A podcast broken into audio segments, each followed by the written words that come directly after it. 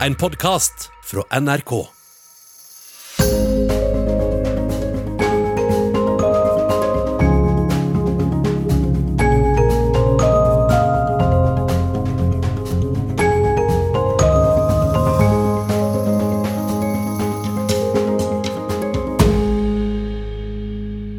Donald Trump og jeg er ekstremt ulike, både i alder, kjønn og klasse. De siste årene har òg bevist at vi er på hver vår side av det politiske spekteret, og i verdivalg. Men vi var begge i New York i september i 1991. Han var eiendomsmogul i metropolen New York og vert for verdens mest prestisjefylte modellkonkurranse Look of the Year. Jeg var en usikker skolejente fra Stavanger kasta ut i en verden jeg ikke ante noe som helst om, og representerte Norge i samme konkurranse. Mitt navn er Eli Nessa. Jeg er mamma til to og kjæreste. Jeg er glad i folk og litt over gjennomsnittet samfunnsengasjert og nysgjerrig på livet. Denne fascinasjonen over livets mange faser og fasetter har tatt meg med på en reise som strekker seg fra et lite rekkehus i Stavanger til Donald Trumps forgylte The Plaza i New York. Det er midt i min politiske oppvåkning at jeg som 17-åring blir lansert som det nye norske modellhåpet på den internasjonale arenaen. Året før, i 1990, hadde jeg vunnet Årets fotofjes, og nå skal jeg slå gjennom som modell. Dette er supermodellenes storhetstid. Alle vet hvem Naomi Campbell, Linda Evangelista, Cindy Crawford og Helena Christensen er. Hele bransjen leter etter den neste superstjerna. Barndommen min skilte seg enormt fra den glitrende modellverdenen. Jeg er vokst opp med politikk og kultur på alle kanter. Farfaren min satt på Stortinget for Høyre og var justisminister og senere høyesterettsdommer.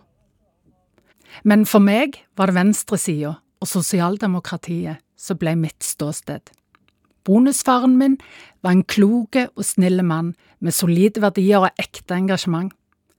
Han var ordfører i Stavanger og satt senere 20 år på Stortinget for Arbeiderpartiet. Mor var kunstner og sjøl aktiv i lokalpolitikken. Jeg så tidlig verdien av å delta aktivt for fellesskapet. Jeg så opp til familiemedlemmene mine, så folk kom til når de trengte råd og hjelp. Det ga mening å gjøre noe som hjalp andre. Sjøl om det var krevende med lange kvelder i møter og mange saker å sette seg inn i. Nyheter på TV, radio, aviser og bunkevis med sakspapirer var hverdagen hjemme hos oss. Det var helt naturlig å gå i 8. mars og 1. mai-tog.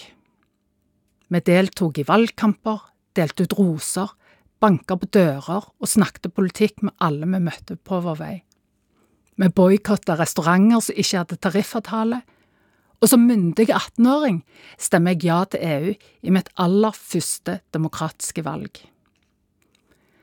Jeg kjenner stolthet og takknemlighet for å være en aktiv del av et fritt og demokratisk land med mulighet for å endre framtida.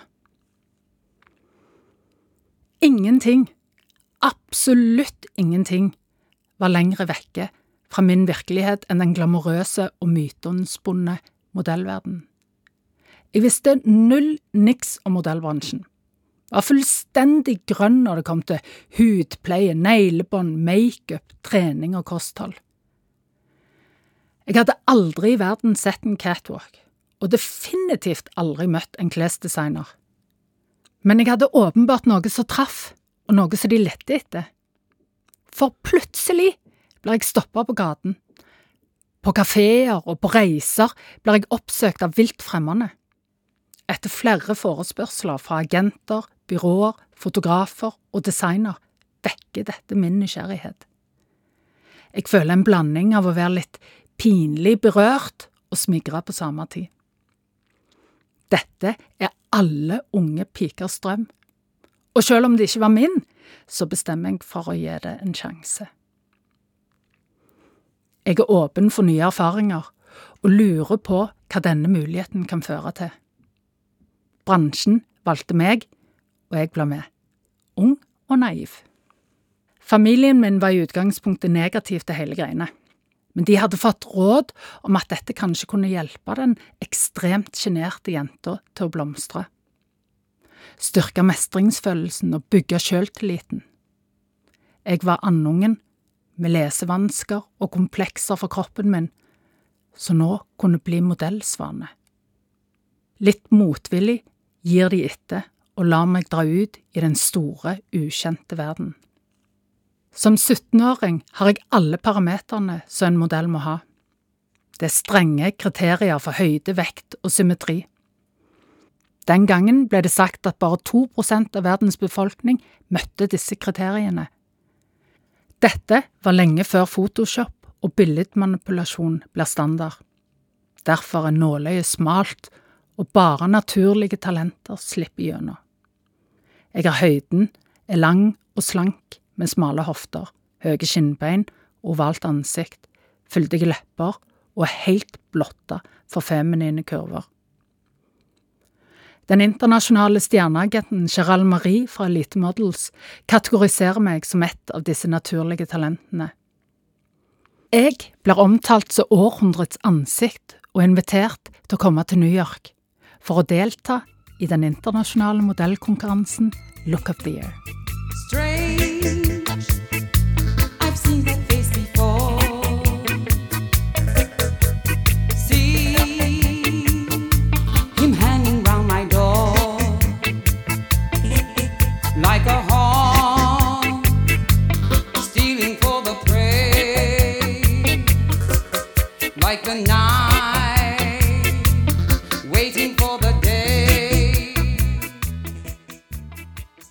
Sammen med modellbyråsjefen fra Stavanger og en fotograf fra Se og Hør lander jeg på JFK internasjonale flyplass og blir henta i hvit limousin.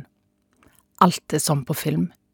I mylderet av mennesker ser jeg ortodokse jøder med svarte frakker og hatter og lange lokker med ørene, kule hiphopere i fargerike baggy klær og vakre kvinner med hijab. Alt er så fremmende og så uendelig spennende. Vi kjører på Brooklyn Bridge på vei til Fifth Avenue på Manhattan. Det er gule, hissige taxier, og det kommer damp fra kummelåkene. Det er blåkledde politi og skyskrapere som nesten når til himmelen. Vi blir innlosjert på The Plaza. Jeg deler rom med Hedvig fra Danmark og Diane fra Tyskland. Mange år seinere blir jeg gjort oppmerksom på at den tyske, velformulerte og søte jenta er nå den verdenskjente og prisbelønte Hollywood-skuespilleren Diane Kruger. Hotellet er i overkant glorete, og sterk kontrast til det nordiske interiøridealet på den tida, som var preget av brystpanel og tørka blomster og furumøbler. Inne på The Plaza ligger persiske teppene nesten oppå hverandre. Det er eksklusive designbutikker, restauranter, og alt er dekka i gull. Det er Donalds varemerke. Han dekker alt han eier i gull. Til og med den åtte år gamle Ivanka Trump er kledd i gullklær. Det lille barnet løper mellom oss. Hun er en del av hennes fars verden, en verden fulgt opp til randen av glitter og fjas. Vi spiser hummer dyppa i smelta smør på The Bar. Jeg jogger i Central Park med mine nyinnkjøpte hvite sneakers og prøver sushi for aller første gang.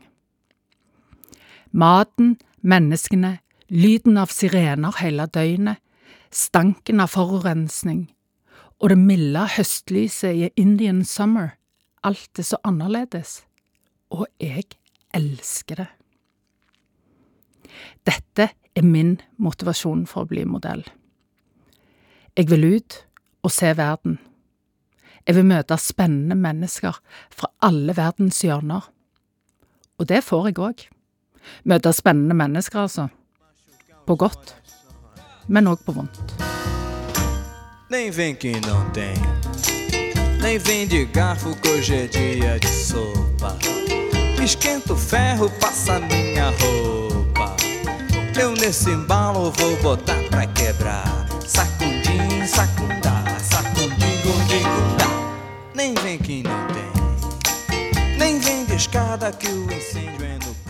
Når foreldrene mine skilte seg tidlig på 80-tallet, flytta søsteren min Mona, mor og jeg til et nyetablert boligområde på Madla.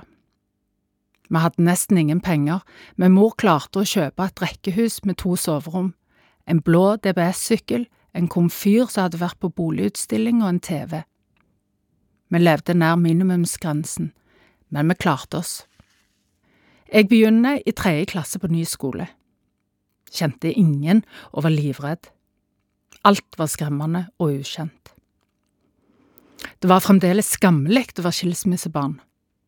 Familien min var rasende og på jakt etter en syndebukk, og det skapte mye splid og fortvilelse. Jeg ville aller helst være usynlig, men var ett hode høyere enn alle andre. Kroppen min, som senere skal vise seg å være modellperfekt, var bare til bry. På toppen var jeg veldig sjenert. I tillegg sleit jeg med rettskriving. Skrivebøkene mine kom alltid tilbake med masse røde rettelser, uansett hvor fint jeg skrev og hvor mye jeg hadde øvd. Jeg opplevde det som en straff og følte enorm skam.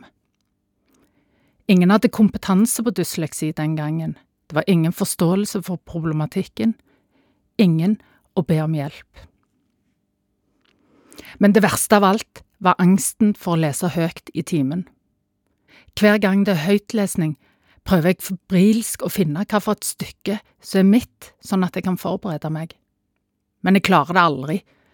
Hjertet banker så hardt i brystet, og jeg er kokvarm i hodet, og øynene er fylt med tårer.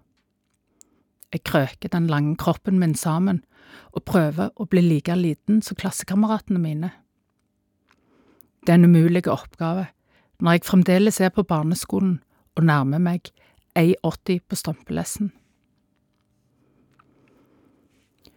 Rektor på skolen er tidligere suksesstrener for Viking, Kjell Skau Andreassen. Han er av den nytenkende sorten, villige til å satse, rause og omsorgsfulle. Det var ikke tilfeldig at det var han som hadde fått oppgaven med å utvikle en ny type skole. En fellesskole hvor forskjellighet og mangfold var normalen. Vi lærte det vi i dag kaller for mindfulness. Vi lå på ryggen i den enorme gymsalen med øynene lukka, og det var helt stille. Det eneste vi hørte, var den varme stemmen fra rektor. Han sier, kjenn at kroppen blir tung. Pust. Og så leder han oss gjennom en reise i hele kroppen, kroppsdel for kroppsdel armene, magen, knærne og føttene. Det er stille, avslappende og godt. Selv om vi ligger på det harde, kalde parkettgulvet, så føles det varmt og trygt. Det hjelper meg å akseptere kroppen min, og styrke til å bli stolt av høyden min. En dag står jeg foran speilet og gransker meg sjøl. Jeg blir kalt sjiraffen på skolen. Jeg tar for meg bit for bit i ansiktet mitt. Hvorfor er jeg så stygg? Hva feiler det meg? Øynene mine. Jo, blå med lange vipper. Ja, ok, de er ganske fine. Nesen min, da. Liten og rett. At han er helt ok, den òg. Munnen min, fyldig. Ovalt og symmetrisk ansikt. Gradvis går det opp for meg at jeg har et dårlig sjølbilde, bokstavelig talt. Jeg må slutte å skjule meg og våge å ta større plass. Jeg går ut av badet med litt rettere rygg og en anerkjennelse at det er jeg som har lagt begrensninger på meg sjøl. Jeg bestemmer meg for å lære å takle nederlag, drite meg ut og stå i en storm. For nå skal jeg snakke høyt og ta plassen jeg vil ha. Denne skolen var langt fra noe idealskole for eliten. De fleste ungene med spesielle behov i regionen ble transportert til denne skolen. Flyktninger, innvandrere, Barn som vokser opp med rus og atferdsproblematikk, fattige og rike. Vi var den første generasjonen som fikk muligheten til å vokse opp i et fargerikt, inkluderende og mangfoldig Norge. Vi møtte det nye Norge med nysgjerrighet og åpenhet. Denne skolen får stor betydning for mitt liv, mye større enn jeg kan ane når jeg, med usikre, langbeinte skritt, står på terskelen av voksenlivet.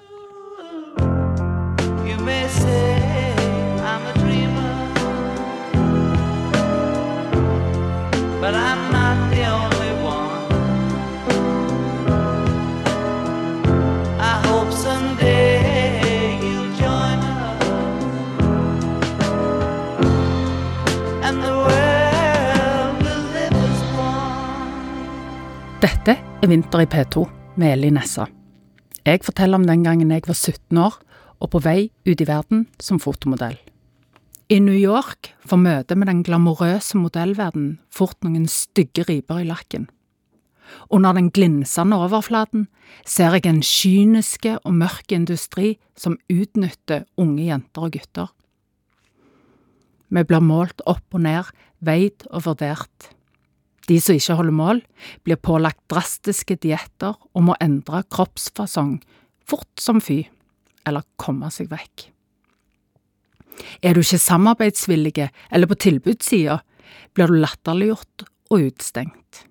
Det er ikke rom for mangfold, verken i form eller farge. Dette er en del av spillet, et ultimatum.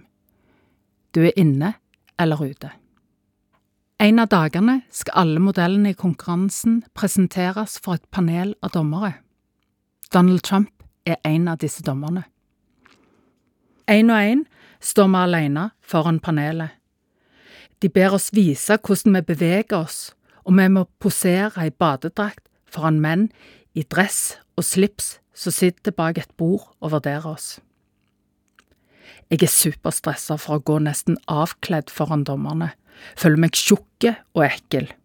Det er ydmykende og absurd, men ingen av oss sier noe.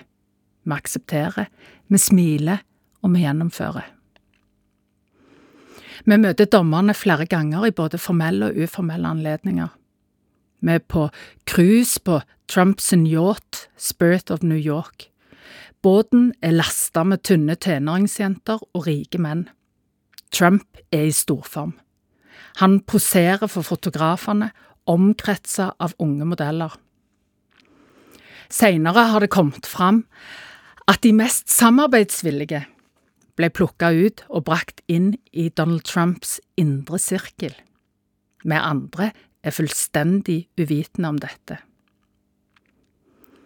For jentene fra tidligere Øst-Europa var dette den eneste muligheten å komme seg vekk fra et liv i fattigdom, uten håp og uten mulighet til å skape seg et uavhengig liv på 90-tallet.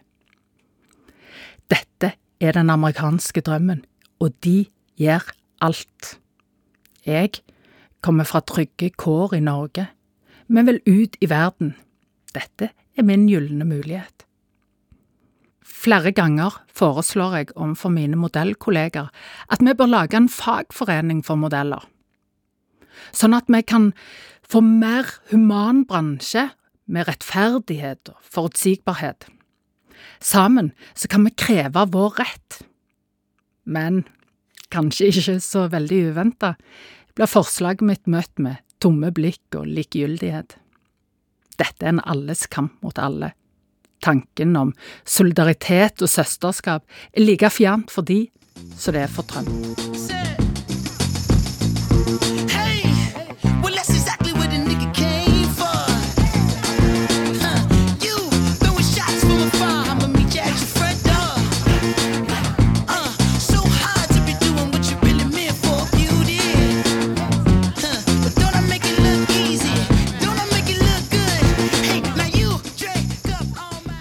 York får jeg kontrakt med et modellbyrå i Milano. Helt alene flyr jeg til Italia med litt lommepenger og noen bilder i modellmappa mi. Jeg flytter inn på et modellhotell midt i Milano, med bitte små leiligheter og strengt vakthold med porten. Utenfor porten kreler det med folk som vil ha en del av modelldrømmen. Modellhotellet Via Justi er proppfullt med vakre ungdommer fra hele verden. Jeg bor sammen med 19 år gamle Jessie fra Rotterdam. Hun er verdensvant, språkmektig, lynende intelligent og morsom å være sammen med. Hver morgen lager Jessie kruttsterke espresso til oss, og så går vi i timevis, fra casting til casting, med vannflasker, modellmapper, kart og telefonkort. Vi har ikke mobiltelefoner og må ringe til byrået etter hver casting for å få adressen til neste mulige oppdrag. Det er nesten så å være på jobbintervju 80 ganger hver eneste dag. Hver gang vi nærmer oss en casting, ser vi langbeinte ungjenter i hopetall som leter etter samme adresse, med samme mål. Kanskje dette blir mitt gjennombrudd. De etablerte og kjente modellene får direktebookinger, de slipper å gå på castinger og få gode penger inn på konto. Vi blir eksperter på kartlesing og å gå på tom mage. Det er slitsomt rent fysisk, men samholdet oss imellom er preget av søsterskap og omsorg. Alene, ute i verden, trenger vi hverandre. En reservefamilie med lange bein og mye sjølironi. Om kvelden er det alltid tilbud om å bli med ut. Restauranter og klubber har egne VIP-områder for oss. Vi slutter å gå på vanlige utesteder med vanlige folk. Det blir for mye styr. Folk som setter oss på en pidestall og vil ha en bit av oss. Vi lever i en parallellverden sammen med fotballstjerner, kjendiser, de megarike og privilegerte. En ettermiddag er vi hjemme. Vi skal lage pannekaker. Så ringer det på døra, og inn kommer den nederlandske fotballstjerna Marco van Basten sammen med en kompis av meg. Marco er ikke imponert av pannekakene våre, og vi bestemmer oss for å gå ut på et lite pizzeria. Alt stopper opp. Det blir helt stille når vi kommer inn i restauranten, og gjestene og betjeningen ser fotballhelten fra AC Milan. Så eksploderer det. Alle i og utenfor restauranten skal ha autografen. Det er helt hysteriske tilstander, og fullstendig absurd. I slengen tar de med Jesse og min autograf òg, bare sånn i tilfelle, liksom. Etter noen år på farten vil jeg hjem. Det er et vanskelig valg. Skal jeg lukke denne døra? Gå tilbake til et ordinært liv i Stavanger og være en helt vanlig ungdom uten muligheten til å oppleve å leve i dette universet som er hermetisk lukka for så mange andre? Hadde jeg måttet kjempe for denne drømmen, ofre mye og vært maks motivert, så hadde jeg sikkert blitt værende. Men jeg tar denne uoppnåelige drømmen for gitt. Jeg er lei av å slanke meg, lei av hele tiden forsøke å unngå kåte gamle menn, lei av å leve i en parallellverden som jeg føler mangler mening og innhold. Jeg er ferdig med dette livet Pensjonerer meg og avslutter min modellkarriere. Det føles riktig og godt å lukke dette kapitlet. Men ikke for godt, skulle det vise seg. Home again, home again. One day I know I feel home again. Wrong again, wrong again. One day I know I feel strong again. Lift my head.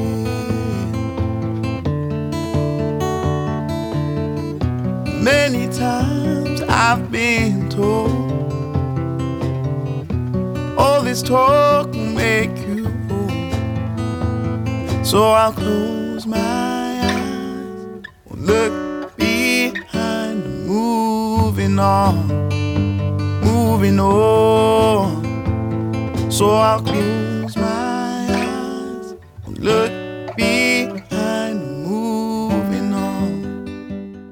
Jeg er pensjonert. 19 år gammel og drar hjem til Stavanger. Fullfører tre år på videregående før jeg flytter til Oslo og begynner på Blindern. Der leter, lurer og prøver jeg på mange forskjellige retninger, men sliter med å finne den rette. Helt til jeg en dag blir med en kompis som skal bli intervjua på TV 2. Jeg kommer inn i kontrollrommet på Karl Johan og kjenner at dette vil jeg. Jeg skal jobbe med TV-produksjon. Plutselig har jeg dårlig tid. Kaster meg rundt, studerer journalistikk og videoproduksjon. Mens jeg studerer, jobber jeg med prosjekter og alt jeg kommer over av mer eller mindre relevante mediejobber. Dette er begynnelsen på den store reality-bølgen på TV. Med en skokk av unge, ivrige mediefolk som beveger som en stim mellom sosiale eksperimenter, slankeprogrammer, talentshow, alt i underholdningens navn. Jeg er en del av produksjonsteamet til Big Brother, som sprenger alt av etablerte normer i TV-verden. Produsent Lasse Hallberg er en visjonær provokatør, men han gjør det med omsorg og empati. Det endrer våre holdninger til hva vi ser på som underholdning. Konflikter blir premiert med høye seertall, og blir en kontrast til det etablerte TV-underholdningen produsert av og for den kulturelle eliten. Jeg har en jobb jeg liker, en bitte liten leilighet på Grünerløkka, så jeg elsker venner og gode kollegaer. En vinterdag går jeg over Akerselva på vei hjem fra jobb. Jeg bærer på ei rosa søppelbøtte fra Ikea, og der, i mørket, begynner det å snø. Store, myke snøflak som faller sakte fra himmelen. Lydene skifter, og de blir lune og trygge. Jeg føler meg lykkelig. Men så melder utfluktstrangen seg igjen. Når ting blir trygt og forutsigbart, kjenner jeg på en uro og behov for endring. Jeg føler meg levende når ting skjer rundt meg. Nye folk, nye steder gir mye energi. Midt i karrieren i Oslo bestemmer jeg meg for å selge leiligheten og flytte til London. Det kribler i hele meg.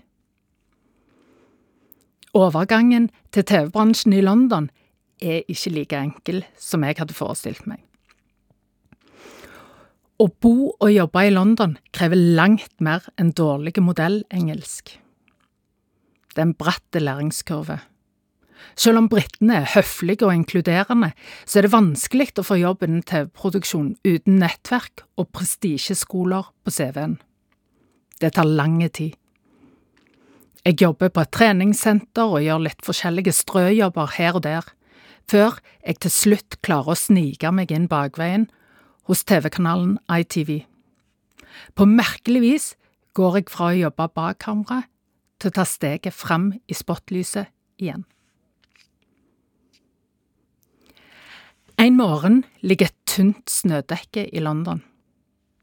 Da er det bare å avlyse alle avtaler og ta med seg dyna foran TV-en. For da slutter all kollektivtransport å gå. Jeg belager meg på en sløv morgen med TV og kaffe. Tilfeldigvis lanserer Jerry Hall, du vet hun, ekskona til Mick Jagger, en modellkonkurranse som jakter på eldre modeller på ITV denne morgenen. De søker naturlige talenter som skal være ansiktet for den nye satsingen på voksne modeller. Det er anerkjente folk og et veldig bra byrå som fører an i satsingen. Jeg sender inn et bilde jeg har tatt med Nokia-mobilen min. Ingenting å tape, alt å vinne, tenker jeg. En dag ringer de fra ITV. Jeg har verdens kjedeligste vikariat som resepsjonist i Kingston, og det tar ca.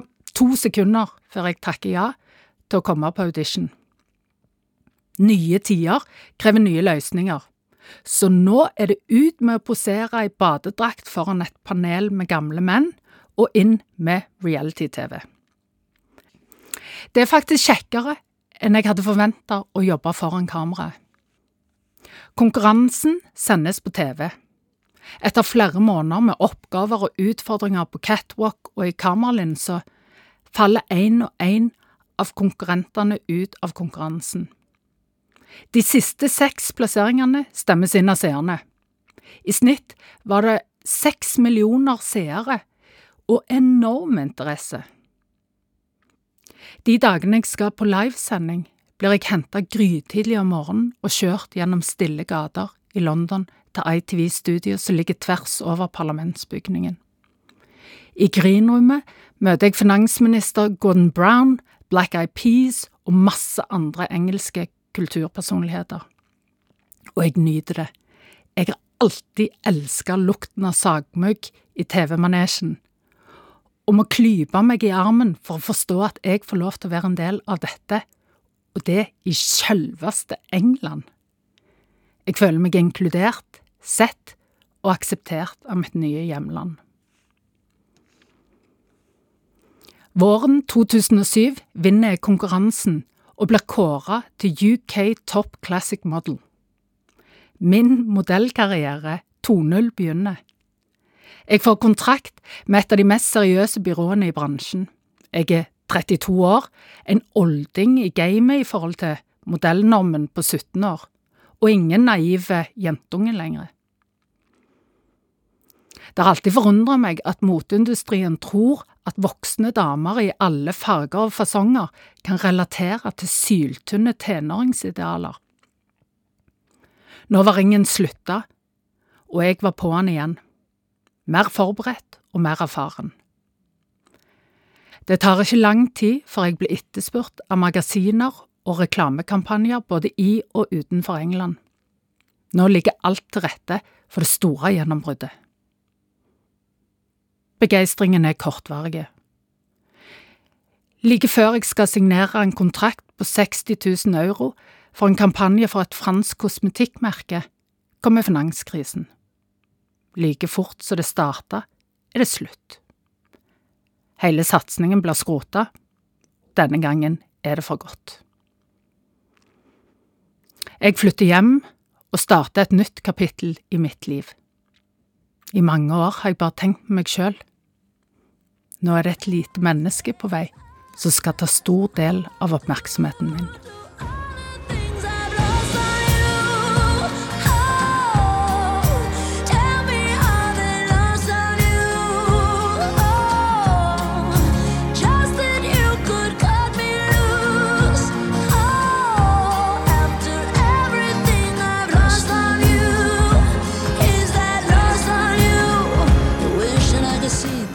Jeg heter Eli Nessa, og i mitt Vinter i P2 har jeg fortalt deg om en tidligere modellkarriere.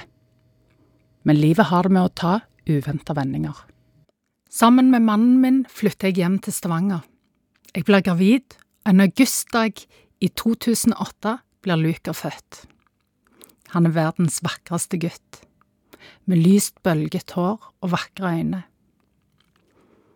Mitt lille under og store kjærlighet. Jeg visste umiddelbart at vi hører sammen for resten av livet. Samtidig vokser det en indre uro.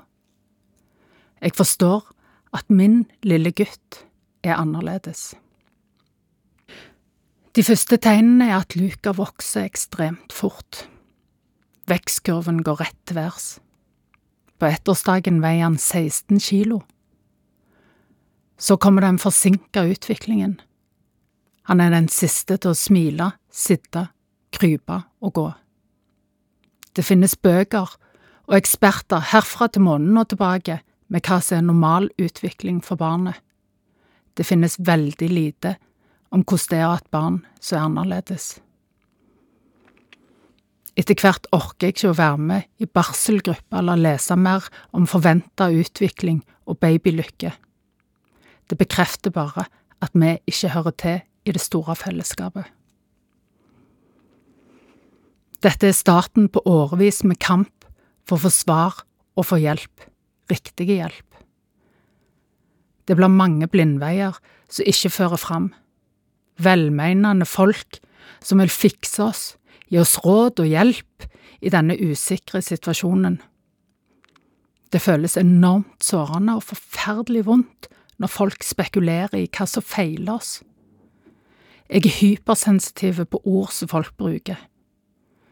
Mitt barn feiler ingenting, han er bare litt annerledes. Han er ikke et problem, han er helt perfekt. Eneste forskjellen er at han må være sterkere og modigere enn alle andre barn.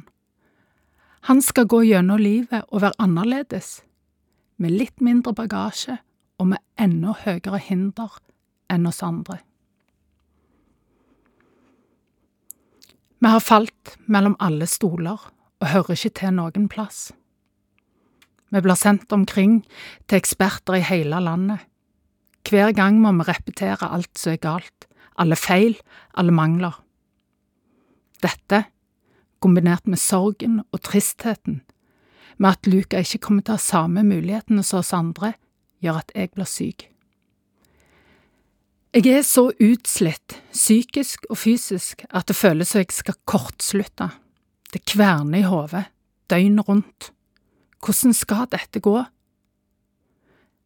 Hvorfor skjer dette med oss? Men jeg vet at jeg må leve, og jeg må gjøre alt i min makt for å komme meg på beina igjen. Når du får et barn som er annerledes, så begynner du umiddelbart å tenke på hele livsløpet. Hva skal skje med utdanningen hans? Kommer han til å få seg en jobb og egen bolig når han blir voksen? Vil han finne seg en kjæreste og oppleve å kunne leve sammen med noen? Jeg planlegger til og med hva som skal skje den dagen jeg ikke er her lenger for å ta vare på han. Hvem skal ta vare på han da, når jeg dør? Plutselig er jeg pårørende for barnet mitt, og jeg skal være pårørende resten av livet mitt. Ingenting kan forberede deg på dette. I vårt tilfelle har vi absolutt ingen å lene oss mot. Ingen interesseorganisasjon. Ingen som kan trygge oss og si alt blir bra. I møte med velferdsstaten føles det som en jungel. Uten diagnose og midt oppi en sorg er det fullstendig uoverkommelig og utrolig forvirrende. Helsesøster sitter med store, bekymra øyne og rister på hodet. Det skjer i hjertet når hun sier Jeg har aldri sett noe lignende. Jeg kan ikke hjelpe dere. Jeg føler meg så uendelig alene. Gjennom mitt arbeid for pårørende har jeg mange ganger hørt samme opplevelsen, en følelse av å være alene med sorgen og bekymringene selv om jeg er en del av en familie og har venner. Avstanden blir for stor til å håndtere, og sårene for dype til å gro. For meg blir pårørendesenteret og terapi veien ut av sorgen. Og så fortsetter livet. Det kan jo ikke noe annet. Sorg blandes med glede. Luka blir stolt storebror til Lea. Fra første stund er disse to perlevenner. De har enorm omsorg og kjærlighet for hverandre, aksepterer hverandre fullt ut og utfordrer hverandre. Lea stiller aldri spørsmål med hvorfor Luka er annerledes. Hun vet at han er verdens snilleste og beste storebror. Hun er tålmodig, snille og veldig morsom å være sammen med. Lea bringer et lys og en livsglede inn i livene våre. Rett før Luka ble åtte år, får vi en telefon fra genetisk avdeling på Haukeland sykehus. Vi har gitt opp alt håp om å finne noen forklaring på hvorfor Luka er annerledes. Nå får vi en gledelig beskjed. Ny teknologi har gjort det mulig å sammenligne samtlige gener hos pappaen, Luka og meg. De har identifisert en mutasjon i et gen. Arvestoffet viser at Luka har en bitte liten endring i et gen. Ikke noe farlig, ingen sykdom, ingen medisiner. Bare annerledes. Vi trenger ikke å leve i limbo lenger. Luka blir den første som får denne diagnosen. Vi blir spurt om vi kan stå i en internasjonal genbank, en slags DNA-matchmaker. Hvis noen andre får samme diagnosen, så får vi beskjed om det. Til nå vet vi om ni andre som har fått påvist denne diagnosen. De er Japan, USA, Frankrike og Luka i Norge. Det er skrevet to forskningsartikler som er publisert i medisinske tidsskrifter. Kanskje en dag får vi møte noen som ligner på oss.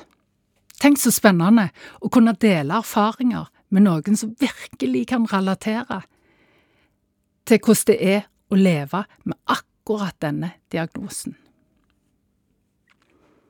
I dag går Luka på samme barneskole som jeg gikk på 30 år tidligere.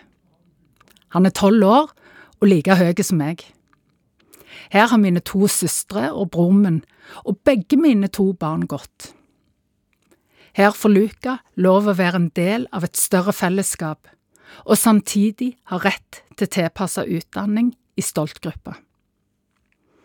Luka går i en klasse med fire andre barn med forskjellige utfordringer. De er bestevenner og har enorm glede og rørende omsorg for hverandre. Innimellom krangler de og er uenige, akkurat sånn som alle andre barn.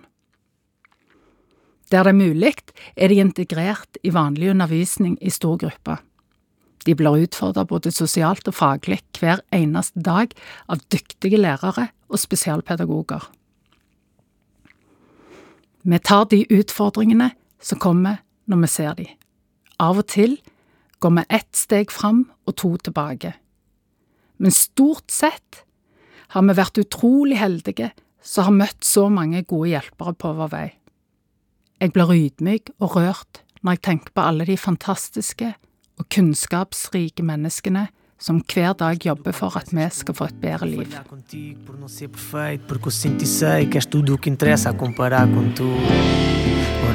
com mais cuidado, e esses bifes já não me deixam irritado. E as canuquinhas na fila para tirar foto fazem-me lembrar de ti e o pai fica todo babado.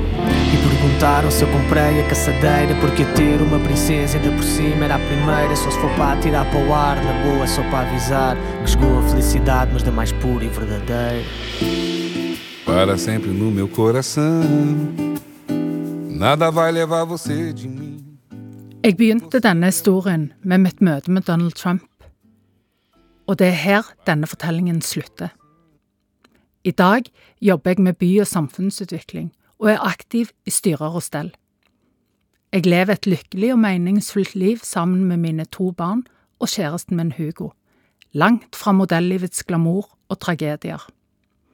Men på tirsdagen til Luca dukker likevel dette livet jeg nesten hadde fortrengt opp igjen. Journalisten Lucy Osborn tar kontakt med meg på Facebook. Hun har funnet fram til meg via gamle arkivbilder fra Look of the Year-konkurransen.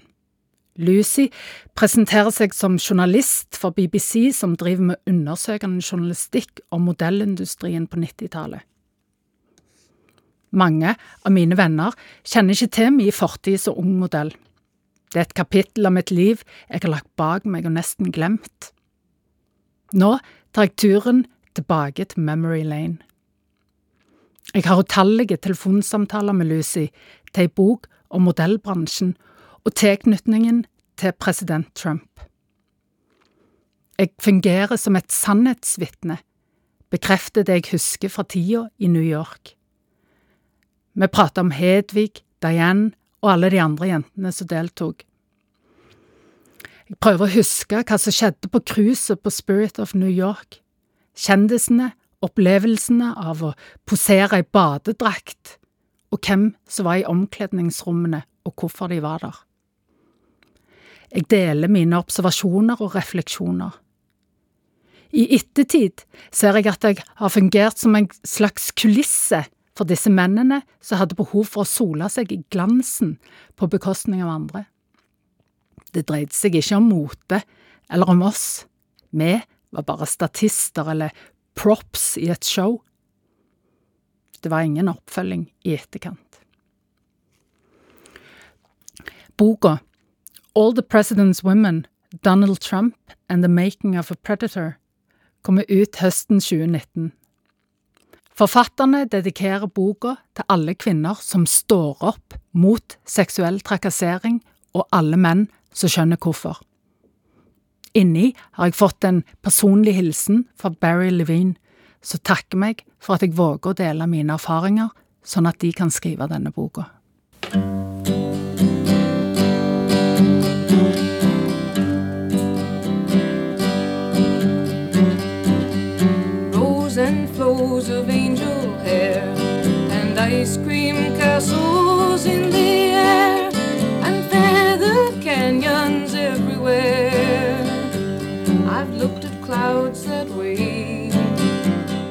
Du har hørt podkastversjonen av Vinter i P2 med Eli Nessa.